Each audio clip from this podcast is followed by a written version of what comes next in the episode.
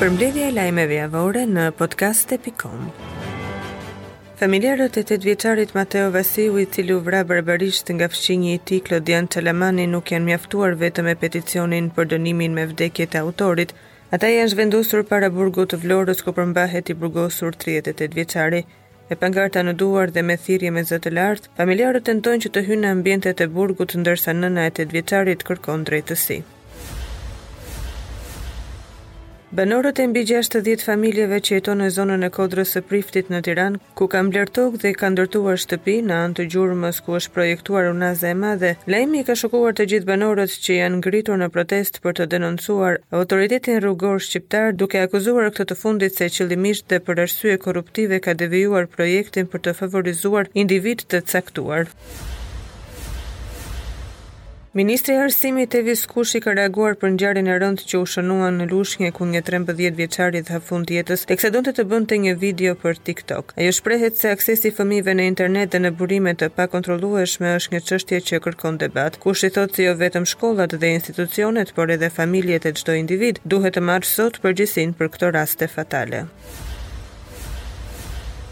Kryeministri Edi Rama ka reaguar në lidhje me protestën që u zhvillua pak ditë më parë nga fermerët e Lushnjes, pas heqjes së rimbursimit në masën gjashtë për qind gjatë fjalës së tij në prezantimin e buxhetit për fermerët për vitin dy mijë e njëzet e dy, kreu i shtetit tha se shumica e fermerëve kanë qenë të painformuar. Presidenti i vendit, Ilir Meta ka zhvilluar sot një takim me drejtuesit dhe pjesëmarrësit e Kursit të Lartë të Sigurisë dhe Mbrojtjes nga Shqipëria dhe vende të tjera anëtare të NATO-s. Kreu i shtetit, ndërsa theksoi nevojën e përmbushjes së të gjithë detyrimeve të Shqipërisë si anëtare e NATO-s, shtoi se duhet të bashkohen të gjitha përpjekjet strategjike për të mbajtur Ballkanin Perëndimor një hapësirë të orientuar drejt Perëndimit. Ish-kryeministri Sali Berisha ditën e hënë zhvilloi një takim me Lidhjen Demokratike të Grave. Kryetarja e Lidhjes Demokratike të Grave, Albana Vokshi ka bërë një postim në rrjetet sociale ku shkruan, Foltorja e grave demokratike, sot në Hotel Rogner, salla Antigonea. Kujtojmë që pak ditë më parë, Vokshi doli hapur në mbështetje të Berishës, duke u dalë kundër kreut të Partisë Demokratike, Lulzim Basha. Vokshi doli në krah të Sali Berishës, dhe u shpreh publikisht kundër Bashës kur shpalli zgjedhjet për kryetar të Lidhjes Demokratike të Gruas Shqiptare. Në kuadër të ditës botërore të kujtimit të viktimave nga trafiku rrugor, policia ka zhvilluar një aktivitet sensibilizues për shoferët dhe këmbësorët, ku u bën apel që të respektojnë rregullat e qarkullimit rrugor për të shpëtuar jetë. Drejtori i Policisë Rrugore apelon për të gjithë përdoruesit e rrugës që të tregojnë kujdes dhe të zbatojnë me rigorozitet rregullat e qarkullimit rrugor. Një 52 vjeçar ka rënë në pranga pasi akuzohet për kontrabandë mallrash. Burimet zyrtare bëjnë me dije se bëhet fjalë për shtetasin Haralamb Nika, banues në Gjirokastër, i cili akuzohet për veprat penale fshehje e të ardhurave dhe tregtim dhe transportim i mallrave që janë kontrabandë. Dy persona janë arrestuar në Fier pasi janë kapur duke vjedhur një biznes që ishin të punësuar aty si roje. Mësohet se janë vënë në pranga Redian Xhafa, 39 vjeç dhe Argestino Nushi, 25 vjeç, të cilët kanë vjedhur një sasi vaj lubrifikant, naftë, venol, pompë hidraulike, prozhektor, ferrota, fuçi metalike, pronë të kompanisë Bankers Petrol. Ish-kryeministri Sali Berisha në një takim me gratë demokratike në Tiranë tha se janë mbledhur afro 5000 firma për mbajtjen e Kuvendit Kombëtar. Ai ftoi të gjithë demokratët më 11 dhjetor që të bëhen pjesë. Sipas Berishës, Basha ka shkelur çdo statut të Partisë Demokratike e për këtë arsye sipas tij duhet të japë dorëheqjen. Deputetja demokrate Albana Vokshi në fjalën e saj në foltore në Lidhjen Demokratike të Gruas ka dhënë arsyet se përse ka mbështetur këtë nismë. Ajo tha se ish-kryeministri Sali Berisha ka një plan konkret për ta rimëkëmbur Partinë Demokratike dhe për ta rikthyer atë në pushtet. Në mbledhjen e sotme të Komisionit të Sigurisë, zëvendësministri i Brendshëm Andi Mahila ritheksoi edhe një herë se nuk ka asnjë marrëveshje me Britaninë e Madhe për instalimin e një kampi refugjatësh në Shqipëri. Prokuroria e Posaçme kërkon pushimin e çështjes në lidhje me padinë e presidentit Ilir Meta kundër Ardian Dvoranit, ish-kreu të Këshillit të Emërimeve në Drejtësi. Mësohet se seanca gjyqësore është parashikuar të mbahet Të mërkurën, në orën nëntë të mëngjesit, Meta e bëri kallëzimin e tij në SPAK më tetëmbëdhjetë shkurt të vitit dy mijë e njëzet, ndërsa ka akuzuar Dvoranin si shkelës të ligjit dhe të Kushtetutës.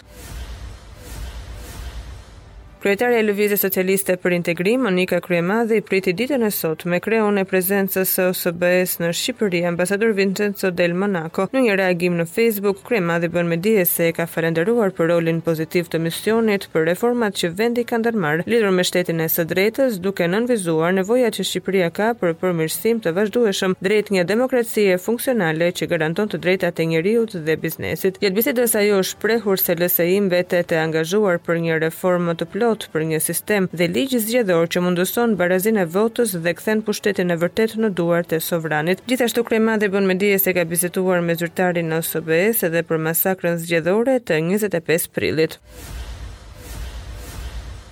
Kreu i grupit parlamentar i Partisë Socialiste Taulant Balla deklaroi se është bërë gati puna për ngritjen e Komisionit të Reformës Zgjedhore, ndërsa pohoi se Komisioni i Venecias është ftuar të japë një opinion urgjent. Gjatë fjalës së tij para mediave, Balla u ndal edhe tek zgjatja e mandatit të vetingut, që sipas tij është një domosdoshmëri. Kryedemokrati Lulzim Basha ka reaguar pas deklaratave të ish-kryeministrit Sali Berisha në foltoren me anëtarët e Lidhjes Demokratike të Gruas. Nëpërmjet një statusi në Twitter, Basha shkruan se është e trishtueshme kur dëgjon se sa poshtë ka rënë Sali Berisha. Ai nënvizon se asnjë trillim a shtrim nuk do ta shndërrojë PD-në në një mburojë të interesave personale. Ministri i Brendshëm Bledi Çuçi është takuar me kryetarët e bashkive për nisjen e fushatës së regjistrimit të adresave të banimit. Çuçi ka bërë thirrje qytetarëve që të konfirmojnë adresat e sakta të banimit, pasi në të kundërt nuk do të marrin asnjë shërbim në gjendje civile. Autoriteti rrugor ka njoftuar se në bashkëpunim me Policinë Rrugore dhe IKMT do të ndërmarrë aksion për mbylljen përfundimtare të të gjithë hyrjeve dhe daljeve të rrezikshme, të cilat nuk plotësojnë kriteret sipas standardeve. Nëpërmjet një njoftimi të bërë nga Autoriteti Rrugor Shqiptar bëhet me dije se aksioni konsiston në mbylljen me mbrojtëse anësore metalike dhe hapjen e kanaleve anësore të mbyllura në mënyrë të paligjshme nga ana e bizneseve në anë të rrugës. Gjithashtu, bizneset të cilat plotësojnë kriteret për të vijuar ushtrimin e aktivitetit të tyre, por që nuk janë pajisur me autorizimin përkatës, duhet të përgatisin dokumentacionin sipas legjislacionit në fuqi dhe të aplikojnë tek e-Albania. Prokuroria e Tiranës ka përfunduar hetimet për dëmtimet e tërmetit tragjik që u shënua më 26 nëntor të vitit dy mijë e nëntëmbëdhjetë, bëhet me dije se prokuroria ka marrë si të pandehur shtatë persona në lidhje me dëmet e shkaktuara. Shtatë të pandehurit akuzohen si përgjegjës për pasojat e rënda që kanë ndodhur në disa qytete pas tërmetit të njëzet e gjashtë nëntorit. Policia Rrugore e Kryeqytetit ka shtuar kontrollet ndaj drejtuesve të mjeteve për të parandaluar shkeljet që janë rrezik për sigurinë rrugore dhe atë publike. Uniformat blu bëjnë me dije se është arrestuar një 20 vjeçar pasi është kapur në flagrancë dhe është ndaluar për mosrregullim shpejtësie në qendrat e banuara dhe manovra të rrezikshme. Dosja e ish-ministrit Saimir Tahiri është regjistruar në gjykatën e posaçme të apelit për korrupsion dhe krimin e organizuar. Gjykata vendosi rikthimin e çështjes për shqyrtim tek një trup tjetër me argumentin se gjatë procesit kundër Saimir Tahirit ka patur shkelje procedurale. Ndërkohë ditën e 24 nëntorit do të hidhet shorti për të përcaktuar trupën gjykuese. Në një kohë kur përpara Kuvendit po protestonin fermerët, kryeministri Edi Rama është ndalur dhe ka marrë disa prej tyre brenda në takim. Rama sapo zbriti nga makina, u ndal tek fermerët dhe kërkoi një takim me disa përfaqësues të tyre. Kush janë disa prej përfaqësuesve tuaj? Hajdeni të bisedojmë, tha Rama. Kryetari i Partisë Demokratike, Lulzim Basha ka përkrahur kërkesën e fermerëve. Basha tha në Kuvend se fermerët protestojnë sepse në vend që qeveria t'i mbështesë në prodhimin vendas, po e godit atë në të gjitha hallkat e zinxhirit të ekonomisë ushqimore. Partia Demokratike ka çuar amendament për ligjin e TVSH-së ku kërkon uljen e saj, nga njëzet për qind në gjashtë, deputetja e Partisë Demokratike, Jorida Tabaku, në fjalën e mbajtur në seancën e Kuvendit, tha se do të përfitojnë 659 mijë individë. Ashtu siç kishte paralajmëruar, deputeti i Partisë Socialiste Erion Braçe ka prezantuar një sërë amendamentesh në Kuvend që sipas tij duhet të përfshihen në paketën e re fiskale. duke thënë se me këtë paketë është goditur më i dobëti. Braçe ka kërkuar të hiqet favorizimi i TVSH-së për hotelet me pesë yje, pasi sipas tij mjafton favori që iu kemi bërë me lejimin e kazinove. Deputeti i Partisë Demokratike, Edmond Spaho ka kërkuar votimin e amendamenteve të prezantuara në Kuvend nga Erion Braçe për paketën fiskale. Sipas Spahos, me propozimet e qeverisë, bujqësia mund të futet në kolaps. Ministrat e Brendshëm Bledi Çuçi dhe Xhelal Sveçla kanë firmosur sot një marrëveshje të përbashkët për krijimin e një entiteti të njëjtë territorial administrativ, nga i cili do të përfitojnë 30.000 banorë në të dyja anët e kufirit. Ky entitet do të jetë i njëjtë 30 kilometra në brendësi të Shqipërisë dhe 30 kilometra në brendësi të Kosovës, ku shtetasit në të dyja anët do të përfitojnë shërbime të njëjta si në Kosovë dhe në Shqipëri.